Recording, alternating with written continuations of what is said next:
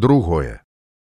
Імператор александр другі хадзіў з кутка ў куток заклаўшы шчэпленыя руки за спіну гнятлівыя думкі непакоілі яго. Падышоўшы да буфета які некалі прывезлі бацьку мікалаю першаму малодшаму брату александра першага з францыі узяў у руки гранёны графінчык. Патрымаў яго ў руцэ паглядзеў на святло. Чырвоны пунш чырвоны колер. Імператор здрыгануўся хацеў ужо адставіць у бок напой але перасіліў сябе наліў поўны шкалік. Выпіў за некалькі глыткоў. Ён не злоўжываў алкаголем, піў зрэць часу. Толькі цяпер яму ўсё настойлівей і настойлівей чуўся голас бацькі. Голас у апошнія хвіліны ў яго быў слабы, з вялікай напругай вымаўляючы словы. Дні майго жыцця завяршаюцца. Раней часу. Нехта дапамог. Я ведаю, хто спрычыніўся да гэтага. Няўжо здагадваецца стары ліс, падумаў без пяці хвілін імператор, не зводзячы позірку з вачэй бацькі. Адно шкадую, што не ў добрым стане перадаю табе, сын мой, усе мае справы і клопаты. Цяпер, цяжар дзяржавы ляжа на твае плечы. Бог дапаможа, адказаў сын. Бацька прымружыў вейкі. Будь жорсткім, не шкадуй нікога, нават самога сябе. Голас усё слабеў і слабеў. Сын не адымаў рукі, Ён чакаў апошняга штуршка сэрца. Мікалай першы адвярнуўся да сцяны і заціх. Сын паклаў абедзве рукі на грудзі, заплюшчыў нябожчыку вочы. Ён паклікаў слугу старога і сівога трошки згорбленага чалавека. Той зірнуў аддана на імператара, позіркам папытаўся: « Усё? імператор адчуваючы як пераліваецца ў яго цела ўлада нахмурыўся пальцамі дакрануўся да вачэй робячы выгляд што выцірае слёзы дрыготкім голасам прашаптаў. Усё александр другі падышоў да акна спыніўся каля аксамітнай шторы. Глядзеў у двор дзе па дарожцы бегалі дзеці, даганяючы адно аднаго. Яны бегалі па тых сцежках, што некалі ён. Усё ў мінулым, усё ў мінулым. Цяпер я таксама ганяюся за прывідамі, стараюся перамагчы іх, але яны не ўцякаюць ад мяне, а наадварот, гоняцца за мною прачыніліся дзверы. Хацеў пераступіць парог начальнік імператорскай канцылярыі але убачыўшы што не да яго тут жа і адступіў назад. Александр другі ведаў з чым прыйшоў чыноўнік. Зноў будзе расказваць што паведамілі яму жандарскія генералы і губернатары. Сяляне недзе забілі свайго памешчыка перад гэтым падпаліўшы яго маёнтак адначасова разабралі ўвесь інвентар парасцягвалі жыта і пшаніцу бо свайго не мелі. Сумна сумна. А тут яшчэ польшча ды і фінляндыя ў дадатак як нож у спіну. Але самае страшнае другое сялянскія бунты якія калі не перараслі, дык вось-вось перарастуць у паўстанне. Тут ужо меў рацыю бацька, трэба праявіць жорсткасць і ўладу. Яму добра запомнілася, як нябожчык бацька ў 1854 годзе выдаў указ аб наборы ў марское апалчэнне. Думаў, што такім чынам здолее сфармаваць флатылію для абароны балтыйскага ўзбярэжжа. І што з гэтага выйшла? Набор быў аб'яўлены па чатырох губернях петербургскай, аланецкай, цвярской і ноўгарадскай. Нехта ж з хітрых сялянаў пусціў плётку гадюку. Хто добраахвотна запішацца ў апалчэнне, таму воля з сем'ямі і бацькамі. Ну і пачалося.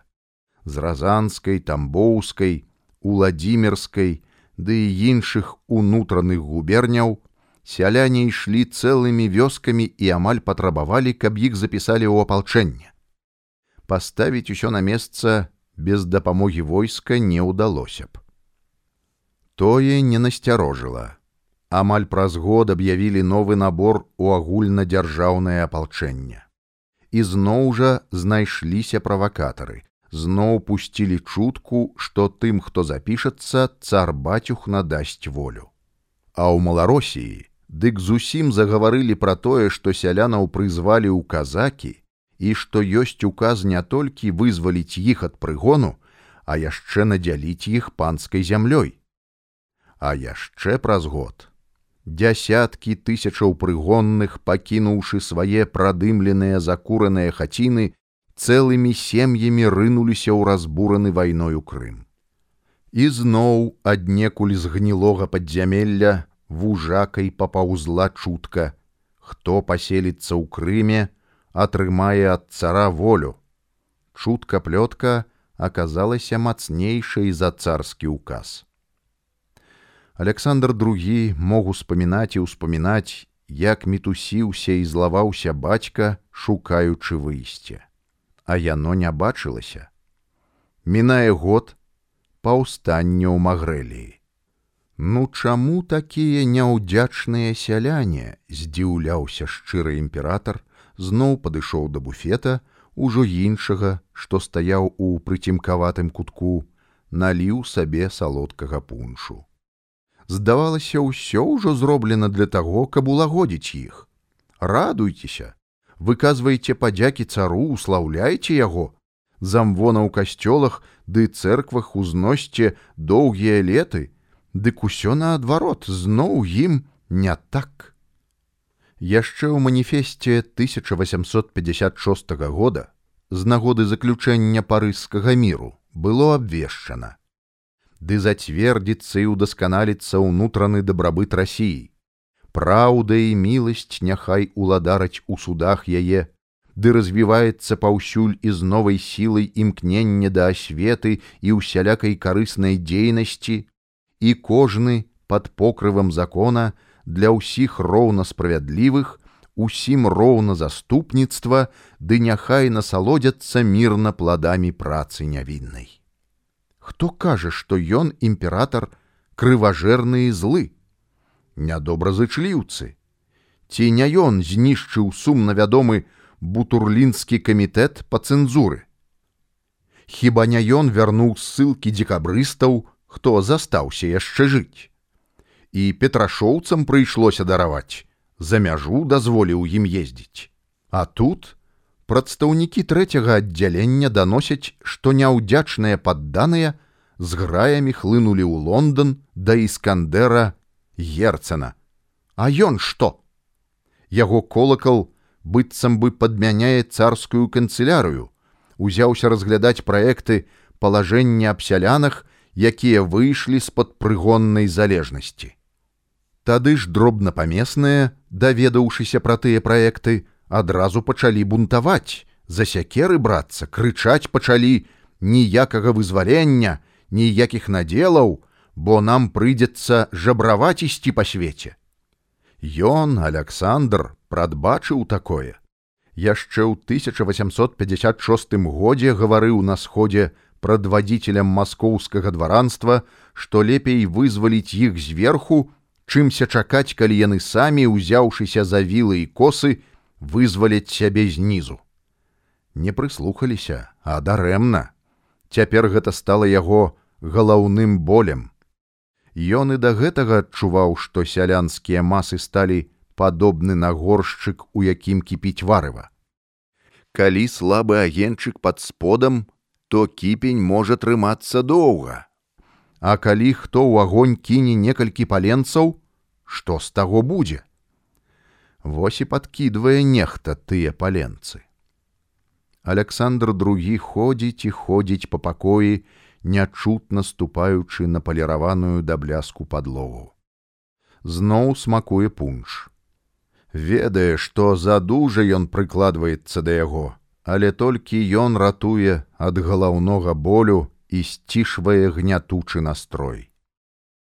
Бацька ўжо адышоў у іншы свет, яго ўжо нічога не непакоіць, а яму спадкаемцу трэба думу думаць, як абысці тыя непажаданыя няшчасці, якія ўсплылі з пакваля і нечакана. А мой не нечакана, бо вунь нават сярод некаторай часткі дваранства балаболяць, што вызваленне сялянаў гэта толькі палова справы. Трэба думаць ужо пра стварэнне новай, дэмакратычнай і справядлівай канстытуцыі. Во яно як павярнулася. Іх бацці ўжо не задавальняюць праекты, якія склалі дваранскія губернскія камітэты. Яны ўжо прызнаюць іх згубнымі і павярхоўнымі, што нават не адпавядаюць агульным запатрабаванням дык няхай бы пра тое плявузгалі між сабою. Выгаварыліся б і замоўклі, дык не склалі адрас на імя цара. А ўзяць цвярскіх дэпутатаў дваранскага камітэту, яны яшчэ і далей пайшлі. Падумаць толькі, патрабуюць папярэдняй рэформы судоў, адміністрацыі, цэнзуры, Дык гэта ж, Дык гэта ўжо самы, што не на ёсць сапраўдны закалот, непаслухмянасць, непадпарадкаванасць цару бацюхну, якога паставіў на трон сам Бог. Падумаў пра тое, што трэба неадкладна прымаць меры і прытым крутыя, жорсткія. Вось ён трошки супакоіцца і дасць свой адказ не толькі грамадзе, а і сваім міністрам. Нават не маючы на ўвазе найвышэйшай уладаю ухвалены парадак сваіх дзеянняў, яны не павінны былі непакоіць яго імператорскую вялікасць сваім хадайніцтвам да змянення гэтага парадку схільным і не мелі ніякага права падаваць падобную просьбу за агульным іх усіх подпісам. Дзверы зноў прачыніліся. Не асмельваючыся пераступаць парог, у праём глядзеў яго асабісты сакратар. Зразумела было, што ад яго імператара чакалі распараджэнняў з выпадку смерці аўгусцейшага. Іду, іду, кіўнуў галавой Александр другі. Праз хвіліну буду ў канцылярыі. Ён яшчэ раз зірнуў за акно. На пляцоўцы перад вокнамі ужо нікога не было. Яўстафій Чарноўскі, схіліўшы ледзь прыкметна галаву, назваўся малады чалавек скончыў курс навук ва ўніверсітэце. Цяпер жыву ў вёсцы. А я ежы кучэўскі порай, адказаў адстаўны афіцэр. Таксама ў вёсцы атабарыўся, служыў да гэтага ў войску.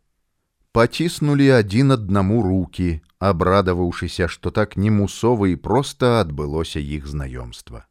Яўстафій меў лёгкую паходку, быў гаваркі і словы ліліся з яго як светлая вада з крынічкі. Вы чым дабіраецеся да вёскі з цікавасцю паглядзеў на субяседніка Яўстафій. Яшчэ не ведаю. Прыбыў у вільню з аказіяй, да сяброў завітаў. А я на брыдцы прыехаў. Рады буду, калі вы згодзіцеся скласці мне кампанію.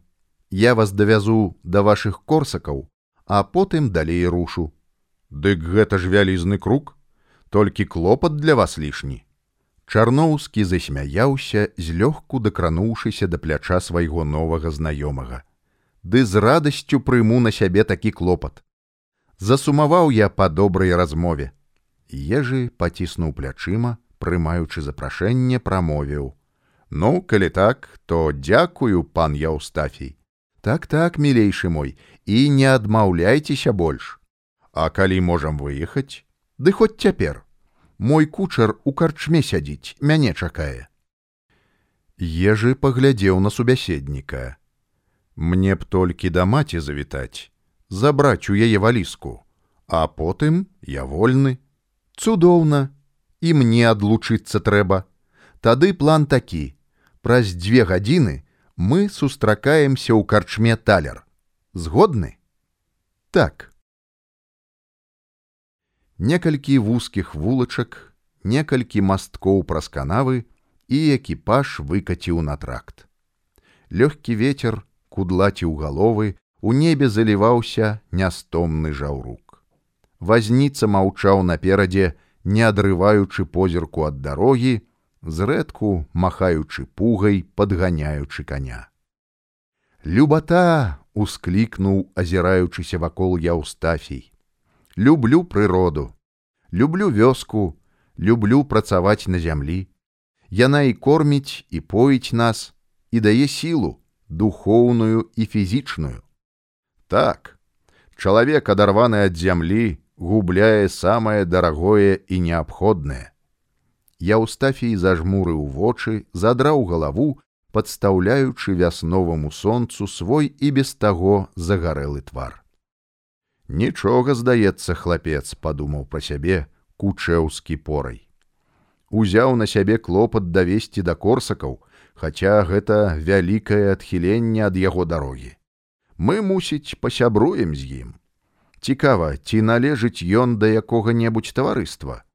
Не можа быць, каб такі энергічны і разумны чалавек жыў сам па сабе. Брычка то нырала ў густыя зараслі, і па твары шлёгалі галіны з клейкімі першымі лісткамі, то апускалася ў пясчаную лагчыну. Часцей дарога пролягала прашчэзлыя палі, між агародаў з пахіленымі платамі сустракаліся балоты, верасовыя ўзгоркі, урослыя ў зямлю шэрыя хаты вёсак. На выганах пасвіліся каровы, але яны былі такія худыя, быццам іх год не кармілі. Па дарозе, перад уездам у вёску ці на раздарожжы сустракаліся шэрыя крыжы, перавязаныя вышыванымі рушнікамі. То касцёл сустракаў іх, то царква. У даматканай тканіне людзі схілялі галаву ў паклоне. Бедны край, жабрацкі і панылы ўздыхнуў Яўстафій, літоўскі бедны край. І калі яму прыйдзе мажлівасць падняцца з каленяў, каб стаць вольнымі і багатымі, нікому невядома. Ежы прамаўчаў, не ведаючы, куды хіліць размову чарноўскі. Я люблю Польшчу, люблю літву і вельмі хачу, каб вось гэты народ, забіты і няшчасны, умеў пісаць і чытаць, цікавіўся музыкай і паэзіяй. Мне бачыцца ў будучым, што не будзе ні багатых, ні бедных, а ўсе будуць жыць у згодзе. А для гэтага ўжо сёння павінны аб'яднацца ўсе слаі нашага грамадства і ўключыцца ў агульную барацьбу за свабоду. З наступнага года я думаю адкрыць школу, у якой будуць вучыцца пісьменнасці дзеці сялянаў. Добрая справа. Шматвяковае панаванне прыгоннага права вынішчала сельскую гаспадарку. Амаль штогодня ўраджай. Ад гэтага жабрацтва селяніна, голад. У піцеры я наведваў тайныя гурткі, забіўся ў памяць успамін мамбелі, які наведаў літву. І цяпер яшчэ ў мяне прабягае холад па жылах пры ўспамінах пра ўбачанае, кавалачак хлеба, які елі сяляне віцебскай губерні. Мука зусім не ўваходзіла ў яго склад, а толькі быў з мякіны, саломы і яшчэ нейкай травы. А Маркс так пісаў пра піншчыну, няма больш беднага становішча сялянаў, чым у паляшуцкай частцы заходніх губерній. Ежы адзначыў пра сябе, што яго новы сябра ведае шмат, разбіраецца і ў аграрных пытаннях і ў палітычных. Не асцерагаючыся нават таго, што падумае пра яго субяседнік, не ведаючы, якія ў яго думкі, светапогляд. Але ж рэформа 1861 года лухта пан ежы той же селянін і прымусіў царскі ўрад і памешчыкаў пайсці на тое. Той жа маркс пра тую рэформу сказаў як. Тое ўсё напамінала дзеянні чыноўніка які збіраўся межаваць зямлю у тое самае імгненне, калі падземны гул абвясціў ужо вулканічнае вывяржэнне, якому суджана было вырваць з-пад яго ног тую ж зямлю. Трапна сказаў: нічога не скажаш. Як у сук уляпіў. Па той жа рэформе сяляне аб'яўляліся як быццам вольнымі. Аднак жа галоўнай і адзінай крыніцай іх існавання з'яўляецца што? Так, так, яна, родненькая зямелька, але яна па-ранейшаму заставалася ва ўласнасці памешчыкаў. Сяляне атрымалі ў карыстанне толькі маленечкія надзелы, якія аніяк пракарміць іх не маглі. Але ж ім дазвалялася выкупіць тыя надзелы. За які шыш яны маглі яе выкупіць. А каштаваў той кавалачак зямлі, ой, якія вялікія грошы. Ніводнаму селяніну не пад сілу было тое зрабіць.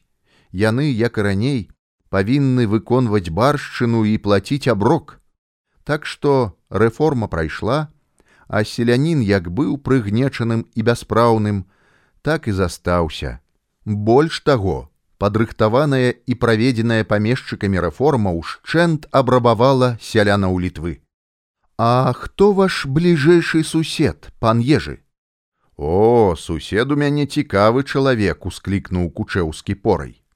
Вядомы ў нашых краях мастак Антоній залескі чулі пра такога. А як жа эрудыт дэмакрат літва павінна ганарыцца такімі людзьмі. А мы і ганарымся, пан Яўстафій. Спытаць ці не пра тое, што мяне хвалюе, падумаў ежы, расшпільваючы сурдут, студзячы грудзі вечаровым ветрам. Хаця сам жа прызнаваўся, што наведваў тайныя гурткі падчас вучобы. Пан ежы, а як вы праводзіце час у сваіх корсаках? Займаецеся толькі гаспадаркай ці ўдзельнічаеце яшчэ і ў грамадскім жыцці? Корпацца ў зямлі сеяць і жаць гэта высакародна, але ж ад пастаяннага занятку гэтым можа стаць і сумна. Мяне кораў уцягнуў у сваю арганізацыю, хаця я ў многім з ім і не пагаджаюся. Я за адукацыю сялянаў. Я за тое, каб яны прачнуліся, прадралі вочы і паглядзелі на сябе збоку, якія яны бязвольныя і трывушчыя. А ён хоча разам з расіянамі адабраць у цара карону. Кораў не адзіны. І арганізацыя яго не адна ёсць і іншыя. А для вас, пан ежы, што кораў? Кораў прыязджаў не так даўно да мяне ў вёску. Прывёз першы заклік варшаўскага камітэта руху і іншыя паўстанцкія пракламацыі. У іх я не знайшоў нічога пра тое, якія сумесныя дзеянні з расійцамі, якія ёсць таварыствы толькі з расійскіх афіцэраў. Раней ён казаў, што толькі адны афіцэры могуць уваходзіць у таварыства, а то гаворыць, што можна туды ўступаць і цывільным. Падставай для будучай канспіратыўнай працы лічыўся заклік варшаўскага камітэта руху, які заклікае ўсе польскія і літоўскія правінцыі да ўсеагульнага паўстання. І цвёрда было паабяцана, што ўсё разлічана так, каб мець поспех, і перамагчы. Я ўстафій злёгку нахмурыўся, прыкусіў верхнюю губу. Дай Бог, каб так яно і было, але ж згодзен дэманстрацыі ў касцёлах і спяванні гімну Божа, які польшчу падымаюць настрой сярод людзей вільні на вёсцы, але што дзіўна, сяляне не хочуць далучацца да гэтых дэманстрацый, думаючы і верачы ў тое, што гэта толькі праяўленне незадаволенасці паноў ліквідацыяй прыгоннага права і баршчыны. Расійскі ўрад падтрымлівае такую думку сялянаў, нават заахвочвае тое. выдадзена распараджэнне, каб арыштоўвалі тых святароў і вернікаў, якія будуць спяваць у касцёлах забароненыя песні. А разам з тым выйшла прадпісанне аб выдачы паліцыі халоднай і агнястрэльнай зброі. Забівай і ні за што не адказвай. Забаронены ўсялякія зборышчы, з'езды і сходы ў прыватных дамах. Во як, браце ежы. Я пацікавіўся яшчэ ў корава, дзе і адкуль мы возьмем зброю для барацьбы. Якія і колькі людзей будзе ў нас, бо бачна, што сяляне з-пад лба і коса глядзелі на тыя дзеянні, варожыя да ўрада. І шляхта не верыла ў паўстанне, лічыла яго гібельным, бо мела на мэце дабівацца мірным шляхам уступак ад урада. І ведаеце, што мне адказаў кораў, ведаю ён сказаў што зброі ў нас будзе ў дастатковай колькасці запэўніў што яе выдадуць самі рускія а для барацьбы шмат людзей і не трэба бо царскія войскі не будуць ваяваць супраць паўстанцаў і што ён выдаў вам рэвальвер сістэмы бекера паабяцаў выдаць яшчэ столькі колькі вы далучыце да гэтай справы новых людзей Ежы здзіўлена паглядзеў на свайго спадарожніка. Адкуль вам тое вядома? Замест адказу я ўстафій дастаў з-пад сядзення наган. Заўсміхаўся. Мы з вами ў адным таварыстве, і нам даверана адказная справа. Няхай у ёй яшчэ шмат чаго недасканалага, але не гэта галоўнае. Нам неабходна шукаць людзей, гутарыць з імі, тлумачыць пазіцыю паўстання і выпрацаваць сваю стратэгію і ход дзеянняў, але якія б не разыходзіліся з асноўнай лініяй рэвалюцыйнага камітэта. Згода? Моцны поціск рукі змацаваў іх не толькі дружбу, але і сумесныя дзеянні ў агульнай барацьбе. Праехалі больш паловы дарогі Сонца стаяла яшчэ высока. Каваныя абады колаў, уядаючыся ў зямлю, кацілі брычку далей і далей, у будучыя дні, у будучыя верлівыя падзеі.